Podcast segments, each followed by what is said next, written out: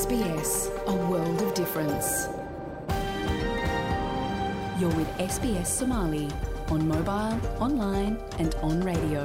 waxaad nagala socotaan s b s soomaali oo aad ka heli kartaan mobil online iyo rediyoga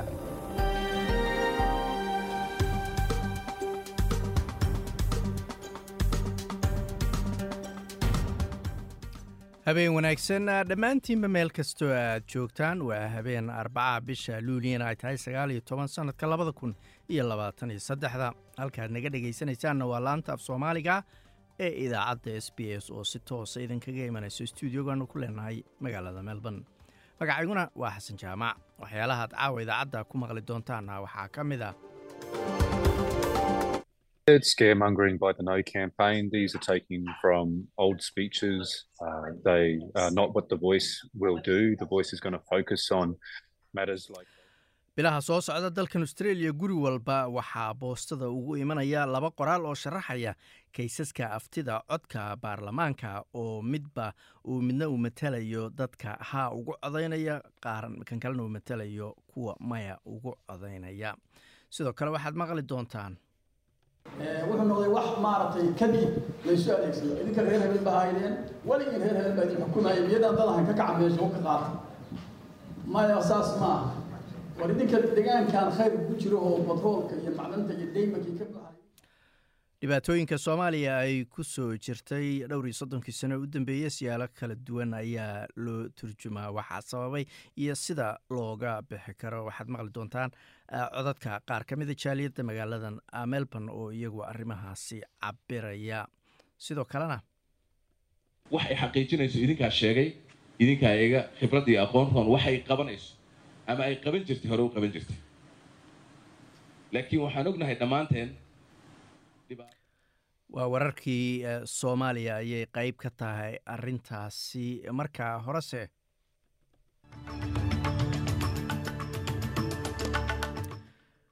wararka caawana waxaa ugu waaweyn premierka gobolkan victoria ayaa ku dhawaaqay sanduuq lacageed oo gaaraya boqol iyo konton milyan oo dollar oo guryo loogu dhisayo shaqaalaha degan magaalooyinka yaryar ee gobolkan victoria. In ka badan dhowr iyo labaatan xisbiyada mucaaradka indiyana waxa ay samaysteen xulufo ay ugu magacdareen indiya oo la tartama ama markaasi la tartama xisbiga ra'iisul wasaare narendri modi oo talada haya ee b h b la yidhaahdo qaramada midoobeyna waxa ay wadaa dadaal ay ku doonayso inay xal ugu hesho in qamadiga ukrain iyo raashku ay suuqyada caalamka gaaraan. Kadib markii moscow ay joojisay heshiis ay hore ugu ogolaanaysay in la dhoofiyo qamadigaasi wararkaasi iyo kuwo kale aad maqli doontaane u diyaar garooba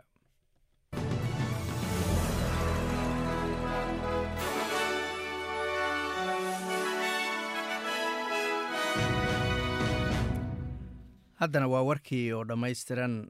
Premierka gobolkan victoria daniel andrews ayaa ku dhawaaqay sanduuq lacaga oo gaaraya milyan oo dollar oo guryo loogu dhisayo shaqaalaha degan magaalooyinka yaryar ee gobolkan victoria ee regionaalka la yidhaahdo maalgelintan ayaa looga dan leeyahay inay ka caawiso inay magdhow ka bixiso khasaaraha ka dhashay kansalaadii cayaarihii barwaaqa sooranka ee lagu waday inay gobolkan victoria ka dhacdo labada kun iyo labaatan iyo lixda cayaaraha ayaa lagu waday inay ka dhacaan gaar ahaan shan magaalooyinka yaryar ee gobolkan.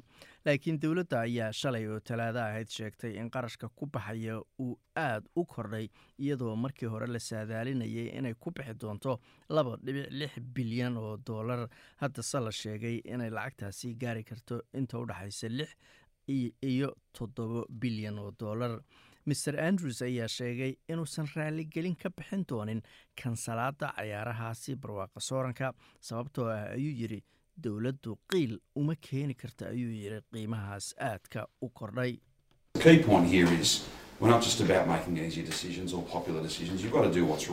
arrinta muhiimka waa inaynaan qaadanayn ayuu yidhi go'aan iska sahlan oo dadku jeclaan lahaayeen ee waa inaanu samayno waxa saxdaa marka arrinta lix ilaa toddoba bilyan oo dollar ku kacaysa macquul ma aha ayuu yidhi.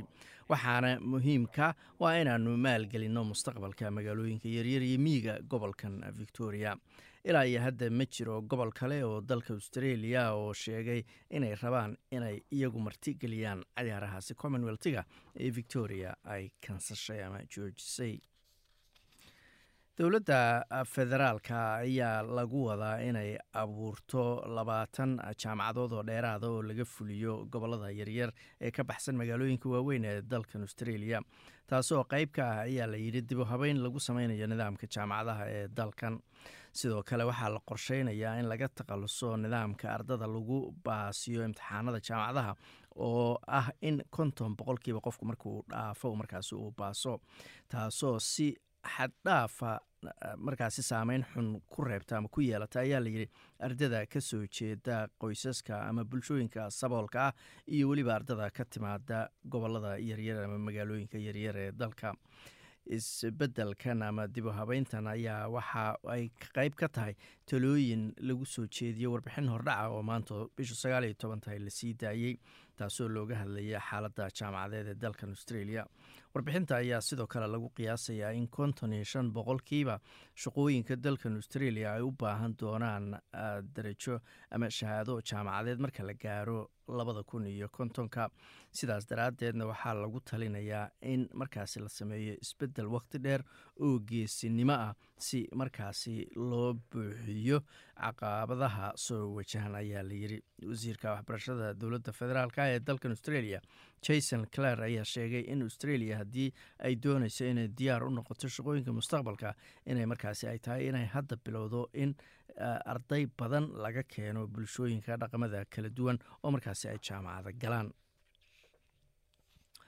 in ka badan dhowr iyo labaatan xisbiyada mucaaradka dalka indiya ayaa samaystay xulufo ay ku magacaabeen ama ugu magacdareen indiya si ay ula tartamaan xisbiga ra'iisul wasaaraha dalkaasi narendri modi ee talada haya xisbigaas oo layihahda b j p marka la gaaro doorashada baarlamaanka ee sanadka soo socda xulufadan ayaa sheegtay in b h p ay ku tumatay habdhaqankii jamhuuriyaddaasi. Waa indiye waxayna kooxdani ballan qaaday inay diiradda saari doonto sidii loola dagaalami lahaa maciishada sii kordhaysa iyo shaqala-aanta ubixinta xulufada ubixinta ay u bixiyeen magaca indiya ayaa loo arkaa inay isku dayayaan inay kula loolamaan xisbiga b j b isticmaalka wadaniyadda ama waxa nationalismka loo yaqaano inta uu socdo ama ay socdaan doorashooyinka dhacaya bisha may sanadka soo socda. Master modi ayaa ku dhaliilay xubnaha xulufadan inay yihiin danaystayaal iyo siyaasiyiin musuq maasuqa oo magaca hindiya dunida ku ceebeeyey rahul gandi oo ah hogaamiyaha xisbiga congress party oo ah mucaaradka ugu weyn ee b h b ay leedahay ayaa sheegay in xisbiga moodi uu sii kordhiyey kala sarreynta dhaqaale ee bulshada reer indiya.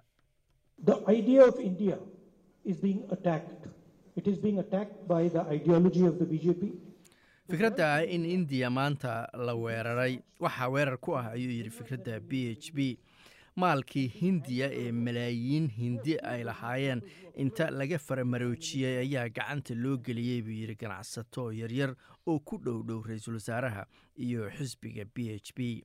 B h b ayaa hadda la shiraysa xulufo xisbiyiina oo markaasi iyaguna ay xulufo leeyihiin oo soddon iyo siddeed xisbi ka kooban oo la yidhaahdo national democratic alliance si ay uga hadlaan xulufadan cusub ee samaysantay ee mucaaradka ku ah isla kooxdani halkaa weli nagala socotaan waa laanta af soomaaliga ee idaacadda s b s. Qaramada midoobeyna waxay isku dayeysaa ayaa layidhi ama wadaa dadaal ay ku doonaysa inay xal ugu hesho in qamadiga ukrain iyo ruushku ay suuqyada caalamka gaaraan kadib markii moscow dalka ruushka uu joojiyey ama ka baxay heshiis uu hore u galay oo ogolaanaya in si ammaana loo dhoofiyo qamadigaasi.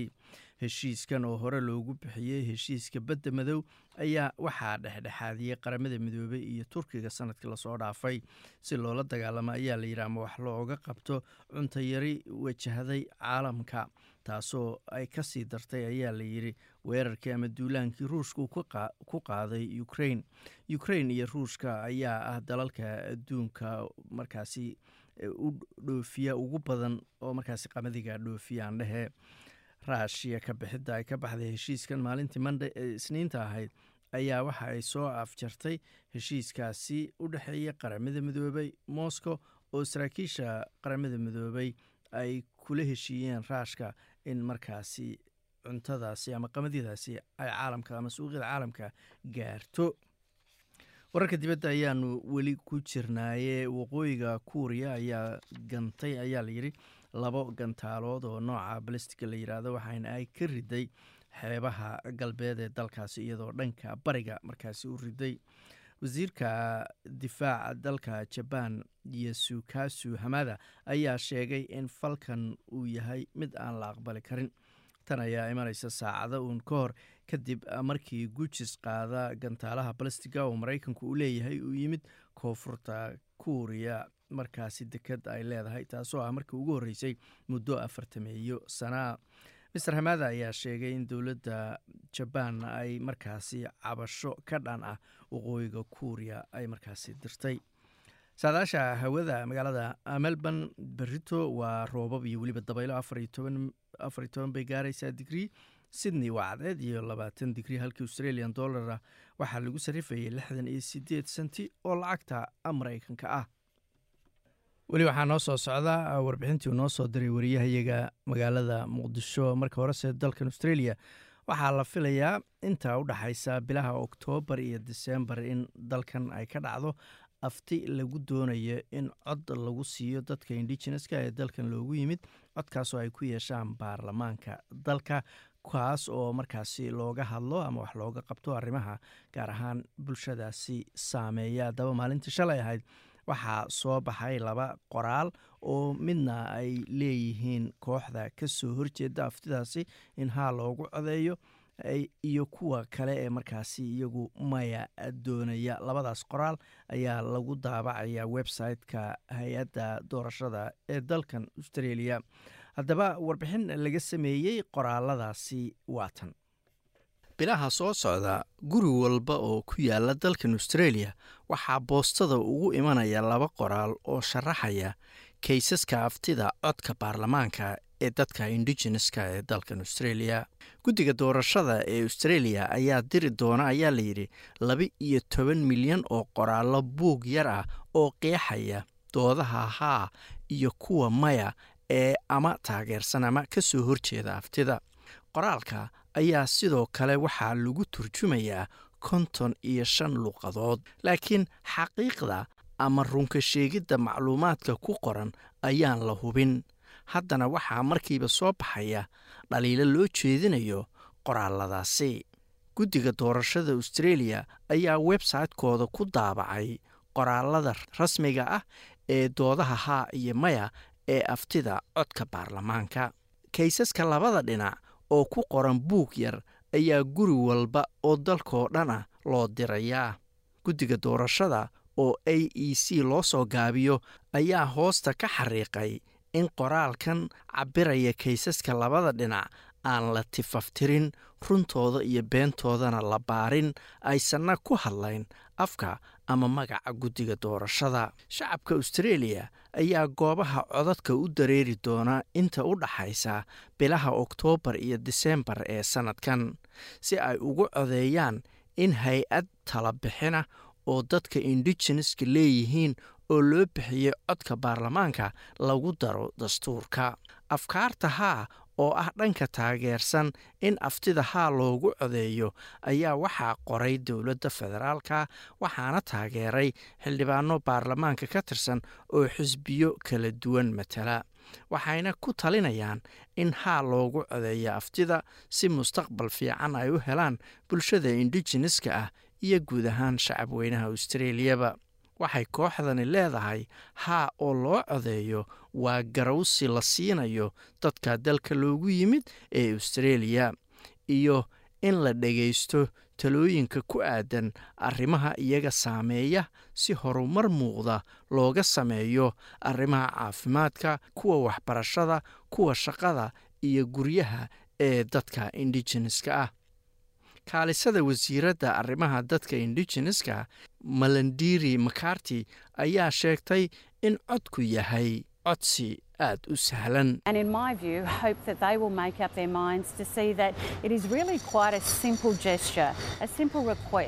Aragtidayda waxaan rajaynayaa inay go'aan ku gaaraan oo ay arkaan intani tahay fariin sahlan codsi sahlan oo guddi talabixina ay ku yeelanayaan baarlamaanka.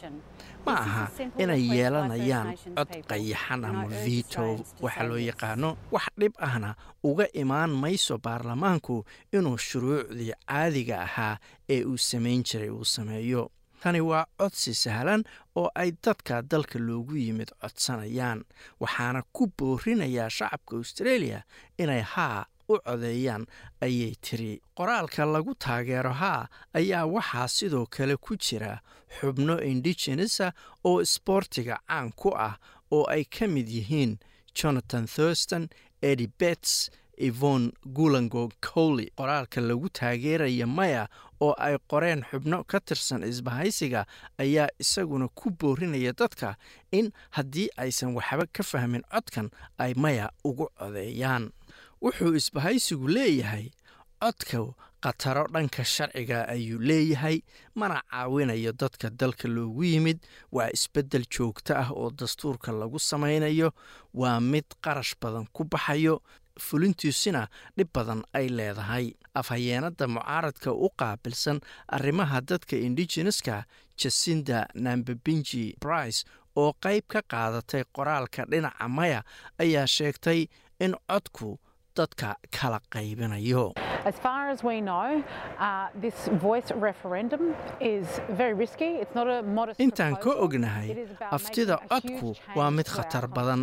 Ma aha hindiso Um, suuban is also waa mid isbeddel ku samaynaysa dastuurka. wax badan lagama yaqaan. weli ma hayno faahfaahinta codka. ma ogin cidda lagu matalayo codka. waxa ay matalayaan waxba lagama yaqaan ayay tiri qoraalkan ma aha mid ay marka hore dowladdu doonaysay laakiin mucaaradka ayaa iyagu dabada ka riixayay qormo noocan oo kalea iyagoo shuruud uga dhigay in sharciga aftidu uu maro baarlamaanka oo mucaaradku ay saa ku taageeraan. Cod aruurin la sameeyey ayaa muujinaysa in taageerada loo haya aftida uu hoos aad ugu dhacay. Hadda toddobaadkan cod aruurin dalka oo dhan laga sameeyey ayaa muujinaysa in taageeradu hoos u dhacday oo gaartay afartan iyo kow boqolkiiba oo keliya. Laakiin cod aruurino kale ayaa diiwaan gelinaya natiijo taas ka sarraysa. Ra'iisul wasaare antony albanisi ayaa sky news u sheegay in ololaha haa uu shaqo ka fiican tan hadda qaban karay qoraalka haana uu ka caawinayo in dadku fahmaan hindisaha isbeddelkan. Uh, uh, shacabka australia held. intooda badan dabcan waxay indhahooda furi doonaan marka aftida la qabanayo. wakhti dheer ayaa hadda noo hartay. waxaannu ognahay inay jiraan olole weyn oo ay kooxda maya wadaan. ololaha haa waxay u baahan yihiin inay kayskooda xoojiso sababtoo ah waxaannu ognahay in aftida australia laga soo qabtay oo ay aad u adkayd in la ansixiyo iyadoo sideed keliya markaasi la ansixiyey afartan iyo sideedii aftinood ee la qabtay dalkan oo macnaheedu yahay sideed keliya ayaa lagu guulaystay. Siihayaha hogaamiyaha mucaaradka susan lee ayaa sheegtay in ra'iisul wasaaruhu uu ku guuldaraystay inuu faahfaahin ku filan ka bixiyo codka Well, the explanation that Australians were expecting about the voice has not come from this Prime Minister. This Prime Minister sharaxaadda ay has said, shacabka australia ka "Trust us, filayaan codka kama imaan ra'iisul wasaaraha the vote." Ra'iisul wasaaruhu wuxuu leeyahay oo keliya aniga i aamina faahfaahinta aftida kadib ayaan bixinayaa. Shir dastuuriyana lama qaban sharaxaad fiican lama siin shacabka mana aha mid nagu filan ayay tiri.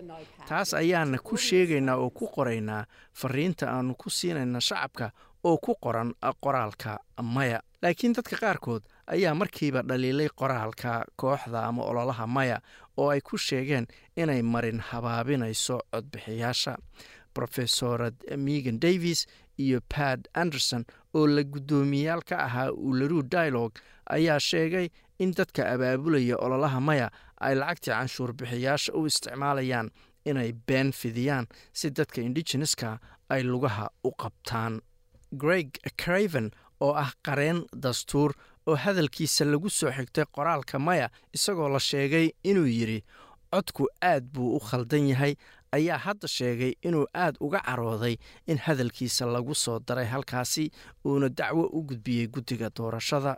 Rofesor craven ayaa sheegay inuu weydiistay hogaamiyaha mucaaradka peter dutton inuusan hadalkiisa ku darin qoraalkooda maadaama uu hadda ka shalaysan yahay inuu hadalkaas yidhi uuna hadda u ololeynayo ololaha haa senator karen lill oo ka tirsan xisbiga liberaalka kana soo jeeda bulshada dalkan loogu yimid ayaa difaacday in qoraalka maya lagu soo daray hadalkii rofesor craven um, and in that process, that he was concerned about use of the word. Um, he si also cad has said ayuu taas u sheegay inuu ka walaacsan yahay ereyga dowladda fulinta? wuxuu kaloo si cad u sheegay Uh, inuu taageersan yahay codka. inkasta oo uu shaki ka muujiyey qoraalkana waannu ku Um, caddaynay inuu taageersan yahay codka ayay tiri um, brochure, kooxda maya ayaa sidoo kale soo xigatay uh, xubin ka mida guddigii ka soo shaqeeyey aftida oo la yidhaahdo thomas mayow oo isagu yidhi codku wuxuu baabi'inayaa hay'adihii gumaystayaasha. Master mayow ayaase sheegay in ololaha maya ay si khaldan u qaateen hadalkiisa si ay dadka u cabsigeliyaan It's scaremongering by the No campaign. These are taken from old speeches. They are not what the voice. waa cabsigelin ay wadaan ololaha maya. waxay hadalkaas ka soo qaateen khudbo hore. codku sidaas ma samaynayo. codku wuxuu diiradda Uh, saarayaa um, arrimaha caafimaadka waxbarashada shaqada iyo guryaha iyo sidii nolosha dadka kor loogu qaadi lahaa.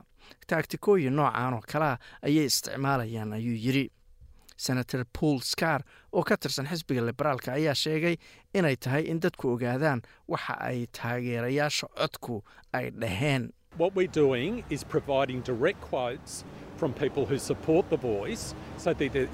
Waxaannu samaynayno waa inaannu si toosa u soo xiganayno hadalladii dadka taageersan codka. marka shacabka australia ayay u taallaa inay go'aan ka gaaraan marka ay noqoto inay khatar tahay in la ansixiyo aftidan iyo in kale. Waxay ila tahay inay caadi tahay in dadku arkaan ujeeddada ka dambaysa iyo soo xigashada dadka taageersan codka. Julian liiser oo isagu ka tirsan xisbiga liberaalka horena isaga casilay afhayeennimada arrimaha indigeneska ee mucaaradka markii xisbigiisu ka soo horjeestay aftida ayaa sheegay inuusan la yaabin hadallada ka soo yeeraya ololaha maya Um, I'm not concerned about the words in the no uh, in the no pamphlet. I think uh, there's no particularly surprise. waxba anigu walaac kama qabo ereyada lagu qoray qoraalka ololaha maya ilama aha in dood lala yaabo ay ku jirto waxay ila tahay in muhiimaddu tahay inaannu dadka hortagno oo u sharaxno sababta ay u fiican tahay in isbeddelkan la sameeyo iyo sababta ay isbeddelkan uga faa'iidayaan shacabka aboriginaalka iyo torres straight islandarka halkaad warbixintaas kala socoteenna waa laanta af soomaaliga ee idaacadda s b s. Wakhtiga la qabanayo aftidaasi ayaa la filayaa in dhowaan toddobaadyada soo socda markaasi lagu dhawaaqo. Haddana waa warbixintii noo soo diray wariyahayaga magaalada muqdisho soomaaliya ma lahayn xarun lagu xafido daawada sidoo kalena ma jirin hay'ado hubiya tayada daawada dalka la soo geliyo burburkii dowladdii dhexe wixii ka dambeeyey. Hase yeeshee wasaaradda caafimaadka xukuumadda federaalk soomaaliya ayaa ku guulaysatay in ay dib u howlgeliso kaydkii daawada iyagoona gacan ka helaya hay'ado dhowr ah oo ay ka mid yihiin w h o iyo w f b ra'iisul wasaaraha xukuumadda federaalk ee soomaaliya xamse cabdi barre ayaa xadhigga ka jaray xarunta dhexe ee qaranka ee kaydka daawada soomaaliya munaasabadda oo ay goobjoog u ahaayeen. Wasiiro ka tirsan xukuumadda xildhibaano ka socday labada aqal wakiilo ka tirsan heedaha caalamiga ah iyo howlwadeenada wasaaradda caafimaadka iyo daryeelka bulshada ayaa waxaa ugu horeyn hadal ka jeediyey wasiirka wasaaradda caafimaadka xukuumadda soomaaliya doctor cali xaaji oo munaasabadda ka sheegay ahamiyadda wasaaradda u leedahay hirgelinta xaruntani ahmiyadda uu leeyahay kaydkan daawada dib in loosoo nooleeyo dib loo furo wuxuu naga caawin doonaa kaydkan daawada dalka la keeno oo dhan inaan la soconno inaan databaseka gelinno inaan dhaydka ay dhacayaan la soconno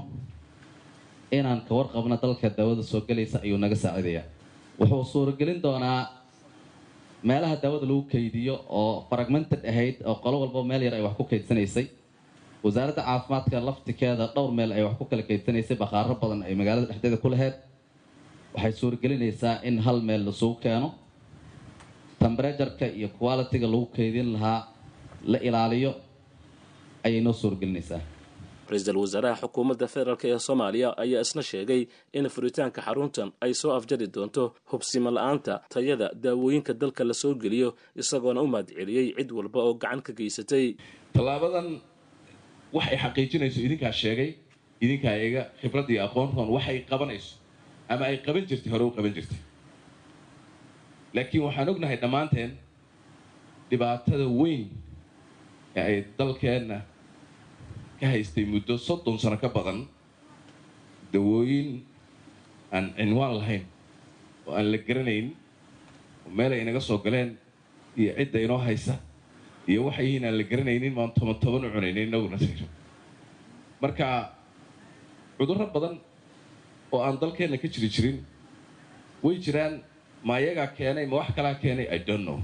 Laakiin waxaan anugu hubaa-un inay mararka qaarkood dhacaysay in farmasiyada lagu gado bur la soo laga dhigay waxyaabooyin kale oo deedna bakaara la geeyo deedna la yidhaahdo waa dawo borderkan isku shub waad ku bogsanaysaa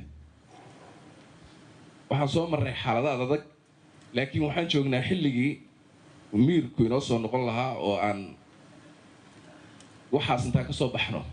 Marxaladaasoo dhan aan u soo gudbi lahayn marxalad caadi ah oo sidii aan markii hore ahaan jirnay dhismaha xaruntan kaydinta daawada ayaa qayb ka ahayd dhismayaasha faraha badan ee dowladdu ku shaqayn jirtay xilligii hore hase yeeshee wixii ka dambeeyey burburkii dowladdii dhexe ay deganaayeen dad shacab ah halkaasoo iminka ay dowladdu dib ula wareegtay. Hase yeeshee waxaa jira xarumo kale oo tiro badan oo weli aanay ku guulaysan dowladdu inay gacanteeda ku soo celiso. Ra'iisul wasaaraha ayaana faray dadka shacabka ah ee degan dhismayaashii dowladda inay isaga guuraan si bulshada loogu adeego goobahaasi dadkeennu waxaan u baahannahay inaan u diyaargarowno dowladnimada. Waxyaabahaan ugu diyaargaroobayna waxa ugu horreeya waxaa weeye dantii guud dhulkii ama guryihii lagu qaban jiray danta guud ee ay duruufaha gaarkii ina bideen inaan degno iyo dowlad la'aantu. Waa inaan ka baxnaa oon u bannaynaa si danta guud laynoogu qabto. Haddii aynaan ka bixin danta guud dowladnimo aan u baahannahay dowladda inay shaqaysay rabtaa? Xarumo ay ku shaqaysay rabtaa? Marka dowladnimadii baan rabaa adeeg caafimaad baan rabaa mid tacliinaan rabaa haddana meeshii lagu qaban lahaa iyo xarumihii loogu talagalay waan deganaanayaa isma keenayso. Marka shacabka waxaan ugu baaqaynaa inay ka baxaan banneeyaan si iyagoo raalli ah oo aan cidi qasbayn inay banneeyaan xarumihii loogu adeegi lahaa ayaga loogu adeegi lahaa. Dowladda waxaa xil ka saaran yahay inay dadka u adeegto xarumihii loogu talagalay inay ugu adeegto waajib baa ka saaran. Marka dawcan ow karhan waxaa fiican marka dawcantaa fiican. Adiga oo ogol inaad ka baxdo ood u bannayso si lagugu shaqeeya adiga. Haddii kale waxay noqonaysaa in lagu qabto waad waalan tahay oo deedna bannaanka lagu dhigo oo laguu shaqeeyo ayay noqonaysaa. Waan ognahay duruufaha jira laakiin haddana mar hadday dan guud iyo dan khaasi iska hor yimaadaan sideedaba diinteenna islaamku waxay qabtaa danta khaaskaa la baabiinayaa tan guud darteed dhanka kalena xilli weli xal siyaasadeed rasmi ah aan laga gaarin khilaafkii sababay gacanka hadalka ee u dhexeeyey xukuumadda puntland iyo siyaasiyiinta mucaaradka ah ayaa culimaadudiinka ku dhaqan deegaanada puntland waxa ay yeesheen kulan ay ku gorfaynayeen arrintaasi sidii xal waara looga gaari lahaa oo aanu mar dambe dagaal halkaa uga dhici lahayn. Culimmadan ayaa kulankooda ka soo saaray warmurtiyeed ka kooban ilaa iyo lix qodob waxaana qodobadaasi ku jira in gebi ahaanba la xaqiijiyo in dagaal dambe uusan halkaasi ka dhicin iyo in si wadajir ah looga shaqeeyo sidii heshiis guud loo gaari lahaa islamarkaana la ilaaliyo nidaamka iyo kala dambaynta kow waxa weeye inay xaaraan tahay dagaal dambe inuu magaaladan ku soo noqdo dadka muslimiinta dhexdooda inuu ka dhex dhaco. Soomaali oo dhan dagaal sukayo inay sidaa uga dhex dhacaa inay xaaraan tahay tan hadda aan joognana dagaal dambe inuusan ku soo noqon. Culimmadu way caddeeyeen mowqifka shareecadu ay ka qabto xaaraan wey ciddii isku dayda inay dagaal dambe samaysana dembiilayaal wey bini aadanka xaggiisana dembi bay ka gelayaan. Ilaahay xaggiisana subxaanahu wa tacaala eed weyn iyo dembi weyn ayay ka galeen oo lagula xisaabtamayo labo waxaa xaaraan ah in wax dagaala haba yaraate afkaaga iyo adinkaaga iyo maalkaaga dad muslimiina dagaal ka dhexdhacaya sidii kii halkan ka dhexdhacay oo kale in lagaga qayb qaato. Codka waxaa soo gelaya wax dagaal keenaya baarlamaanku inuu u codayo fidno keenaya. Dhaqaale in lagu bixiyo hub in lagu bixiyo. In waxa la isku hayo laga heshiiyo. Oo sida culimmadu ay sheegeen ilaahay kitaabkiisa iyo sunnada nebiga calayhi salaa slam idinku faray in laga heshiiyo. Oo laga waxay fudud weeye oo laga heshiin karo oo laga walaaloobi karo in laga heshiiyo. In heshiiskaas qof walba wuxuu kaga qayb qaadan karo lagaga qayb qaato. Isnimada hadda ku jira si gaar ah ayaan ugu ducaynaynaa ilaahay inuu ku guuleeyo waana u mahad celinaynaa qof kasta culimmada hadday tahay odayaasha hadday tahay ganacsatada hadday tahay qoyanada hadday tahay siyaasiyiinta hadday tahay dhammaan in laga qayb qaato waxa la isku hayo in laga heshiiyo. Afar in nidaamka iyo kala damaynta in la ilaaliyo.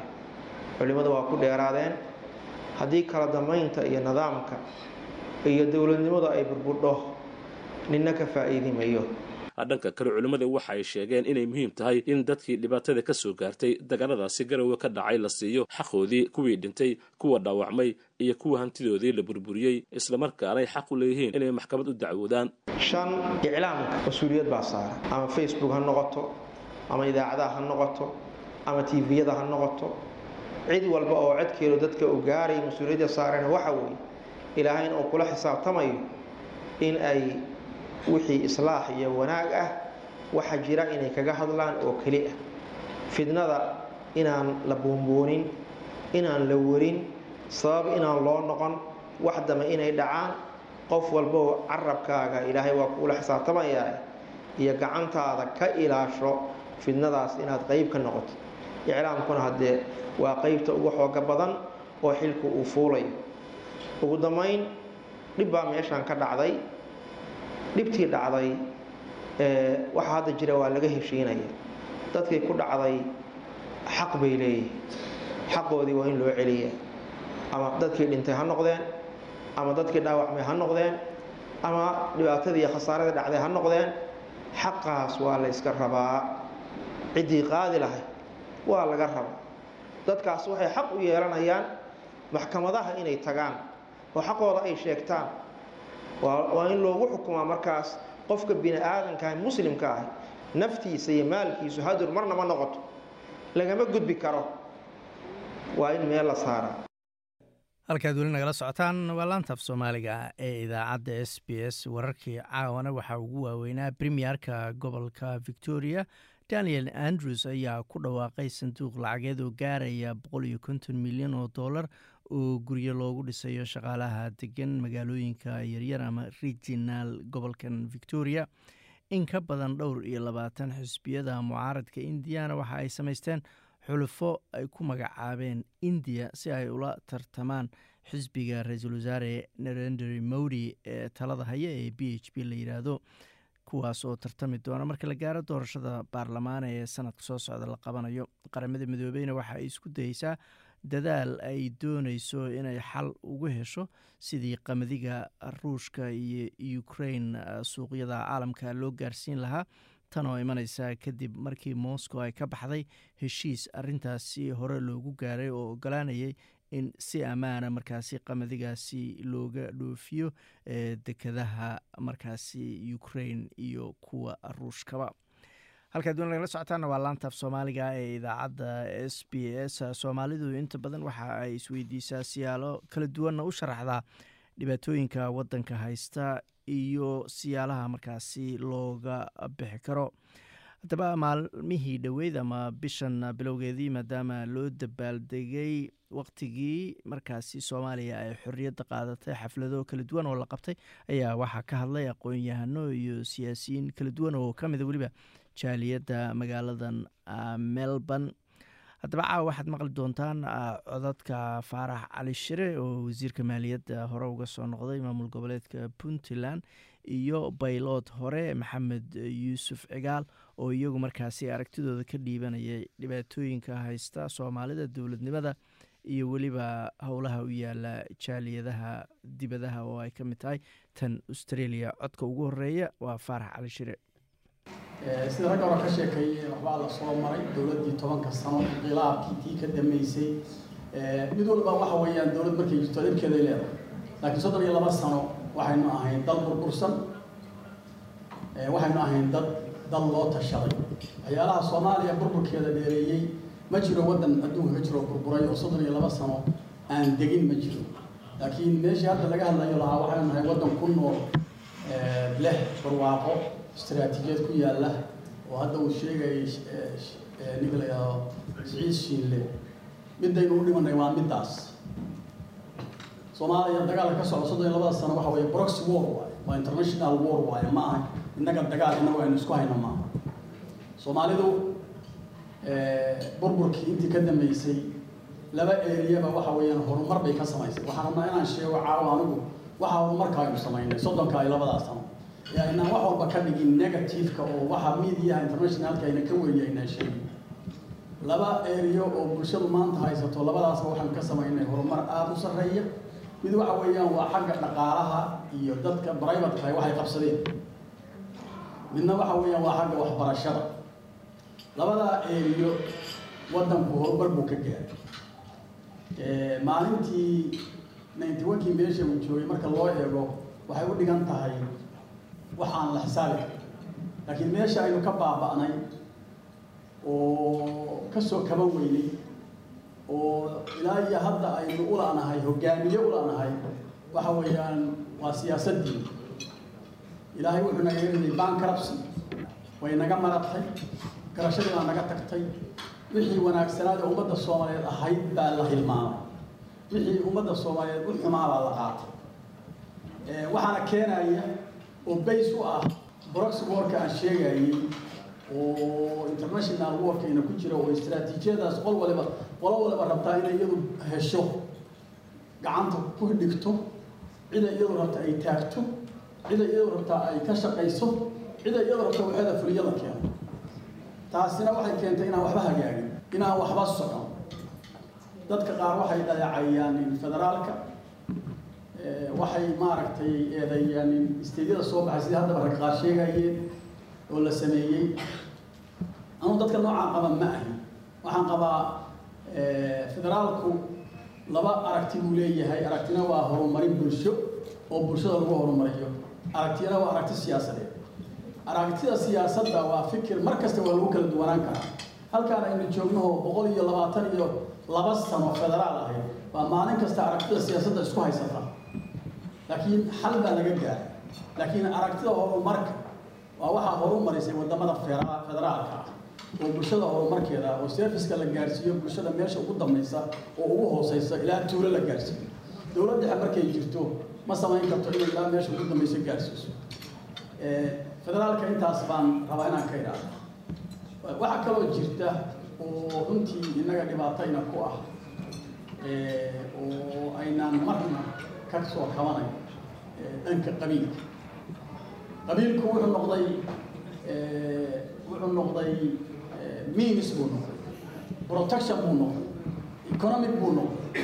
Wuxuu noqday power wuxuu noqday wax maaragtay kadib laysu adeegsado. Idinka reer hebel baa haydeen weligii reer hebel baa idin xukumayay miyadan dadahan ka kaca meesha ka qaata maya saas maaha war idinka deegaankan khayr ku jiro oo batroolka iyo macdanta iyo daymankii ka buuxaan idinkaa leh reer hebel baana maaragtay raba inay qaataan ka kaca meesha. Waxaa intaa inoo sheegaya nad inay yihiin innaga odaasheenni maaha culimadeenni maaha dad kale wa runtaa fiican waxa aynu u dhimanay oo maanta soomaaliya halkaa u joogtaa waxa weeyaan waa waa siyaasadda dhankii siyaasadda wa wixii dhan waa wax la xallin karo hagaagin waxaan rabnaa marka in dadkeenna halkaan jooga oo runtii wax badan oo soomaaliya ka jira ka badbaaday oo hadday noqon lahayd nolol maalmeed ha noqon lahayd waxbarasho noqon lahayd caafimaad noqon lahayd intaba maaragtay ka badbaaday inay iyagu noqdaan dad midooba u midooba soomaalinimada ay ka muuqato waxqabadkooda iyo isku xiraantooda iyo dadka isu keenidooda halkan jooga.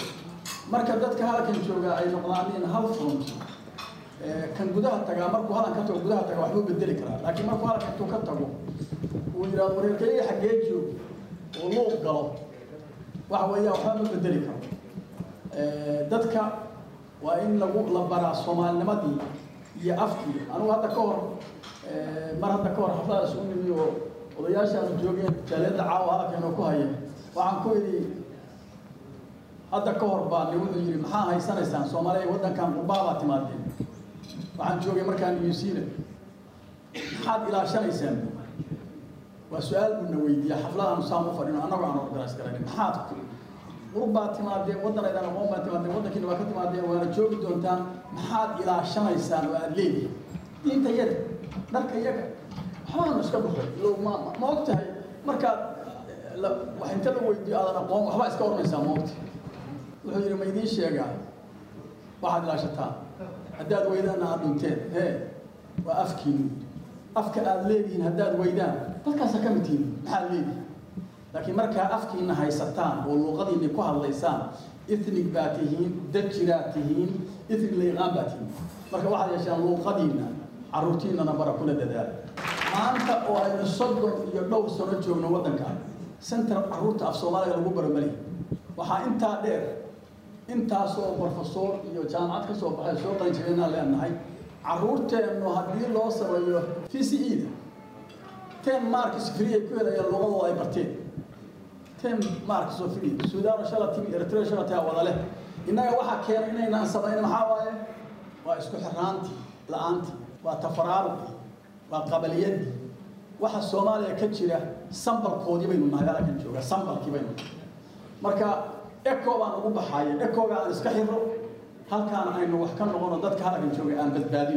soomaalida maanta iyo soomaalidii shalay waxyaalo badan bay kala duwan yihiin waxaa ugu horeysa aayadda ilaahay uu yidhi in allaha laa yugayiru maa biqowmin xataa yugayiruu maa bianfusihim.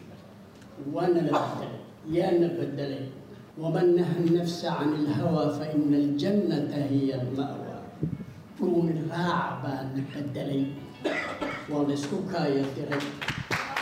Waa nalabaabi'iyey weliba waa ku soconnaa waxaan idiin sheegayaa anigu nasiib baan waxaan ku yeeshay inaan xaafadda isku raran ku dhashay muqdisho masaajidka sheekh cabdulqaadir weli gurigayagii waa ka taagaya waxaa dhacday masaajidkaasi wuxuu ahaa meesha siyaasadda xisbiga leegada laga wado. Israel yaa waday rag baad u malaynaysaa dumar baa waday. Dagaaladii sokeeyoo dhacay waxaa la burburiyo ugu horreeyey waa dumarkii waa la kursaday waa la dhacay waa la xumeeyey maxay tahay dumarku waa hooyo الأم مدرسة هويده وسكول إن أعدت شعبا أعدت شعبا طيب الأعراق هويده وسكول هذي ضد ديار سوحي ديار سا ضد زنجلة أم قرانا وحصل القيمة ملي isticmaalku wax badan buu doonayay soomaaliya inuu maanta meeshay taalo inuu dhigo waana dhigay. Yaa laga rabaa inay toosiyaan? Dumarka anugu rag u arkay rag qabyaalada hawshooda waa ah,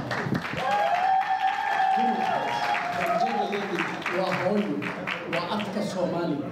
Waxaan u joogay anoo lix sana jira ayaan dhabta cabdullaahi ciise ku fadhiista isagoo new york ka yimid xorriyadda soomaaliya u doonaya eeraboorkaa laga soo qaaday ilaa meesha la yidhaahdo bilaaj carab beexaani soomaalidoo dhan waa taagnaay maanta soomaali taagan miyaad arkaysaa?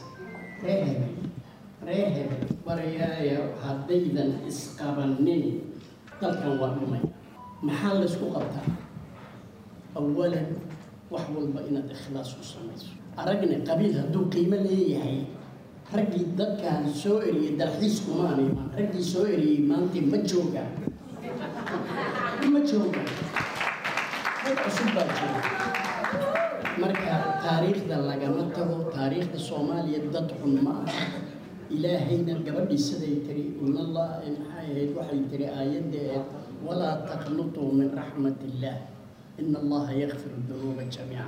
Rajadayada aan weynayno dad nuguma yara caqli nuguma yara aqoon nuguma yara aan isjeclaano. Adduunkan dad baa xukuma dadna waa lagu shaqaystaa innaba xukumaan kuu sheegaya nin okli la yidhaahdaa la keenay.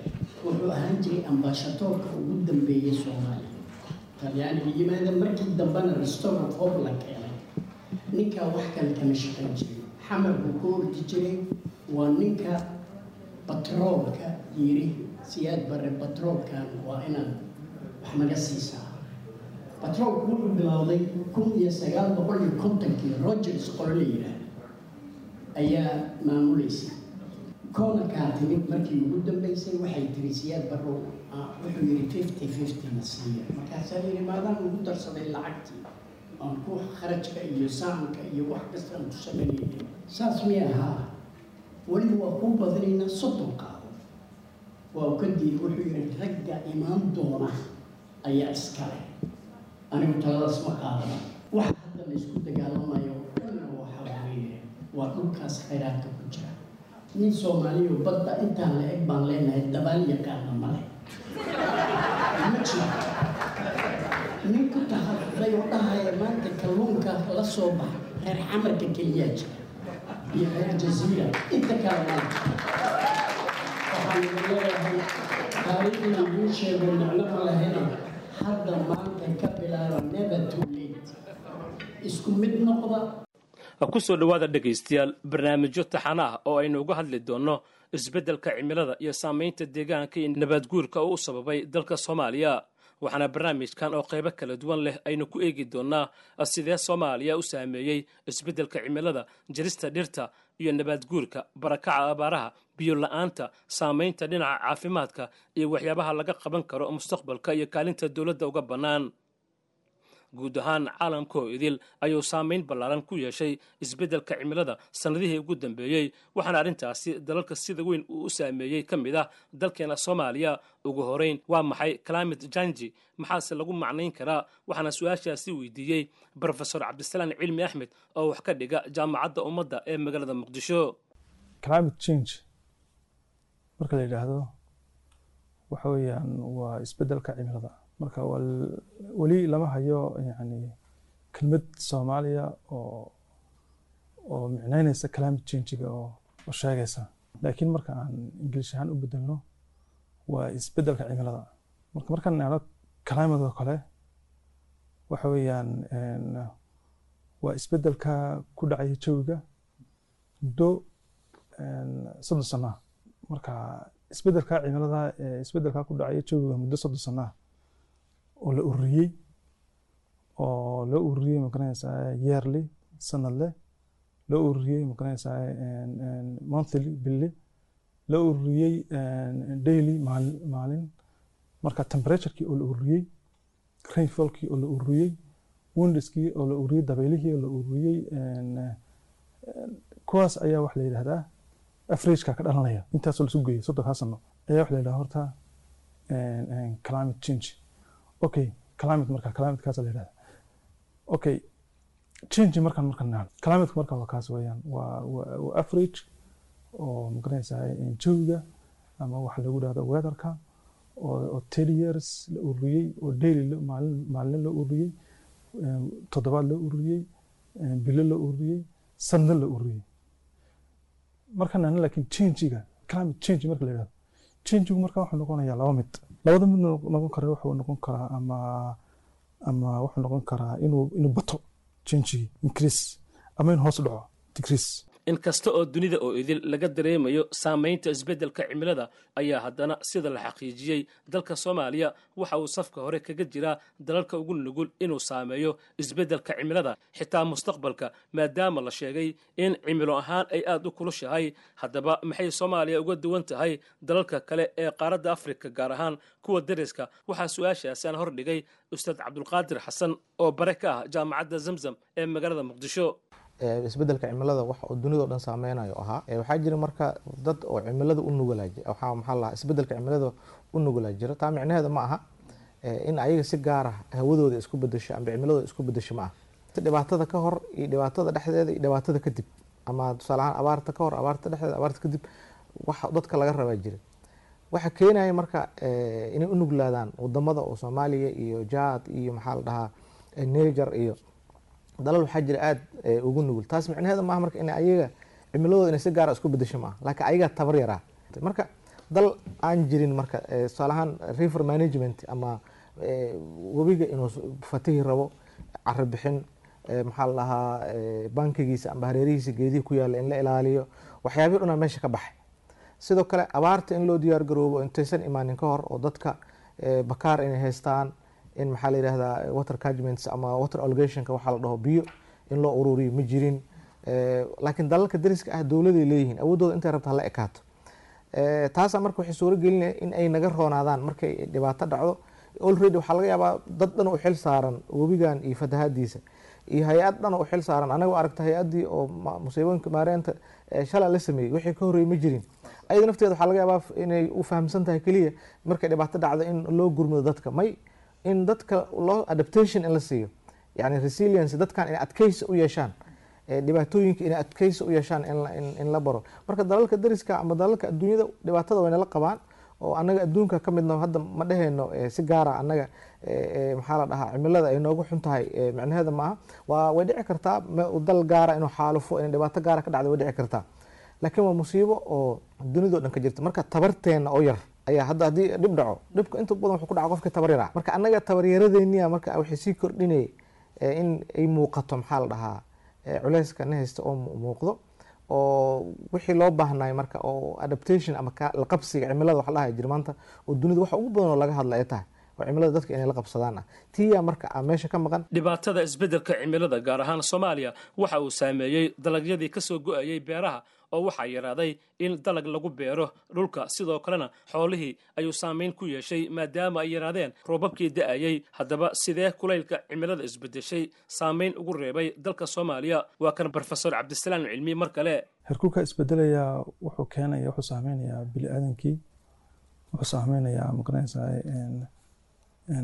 xoolihii wuxuu saameynaya dhartii marka marka uu isbedelo heerkulku waxaa imanaya markaa in inaku soomaaliya waxa la yidhahdo waxa weeyaan waa semi desert area. So carada markaa semi desertiga ama caradaas astaanta lagu yaqaano karakterka lagu yaqaano waxaa ka mid ah inay temperature badan ay soo jiidato. Temperature badan ama heat badan bay soo jiidanaysaa midda kale temperatureka markuu kor u kaco markaa waxaa imanaya abaaraa imanaya. Abaartaasi markaa waxay saameynaysaa oo saameyn ay ku yeelanaysaa xoolihii. Soomaaliya waxaa la yidhahdaa xoolaha waxay boqolkiiba lixdan wax soo saarka waddanka. Waayo dhaqaalaha soomaaliya marka laga hadlayo wuxuu ku tirsan yahay xoolaha. Xoolihii markaa markay abaar dhacdo maxaa imanaya markaa in economigii waddanka ma garanaysaa dhaqaalihii waddanku hoos dhaco? Ya dhoofitaankii xoolaha la dhoofinay inuu hoos dhaco. Marka hadduu hoos dhaco markaa waddankii waxaa ku dhacaya ma garanaysaa dhaqaal xumo.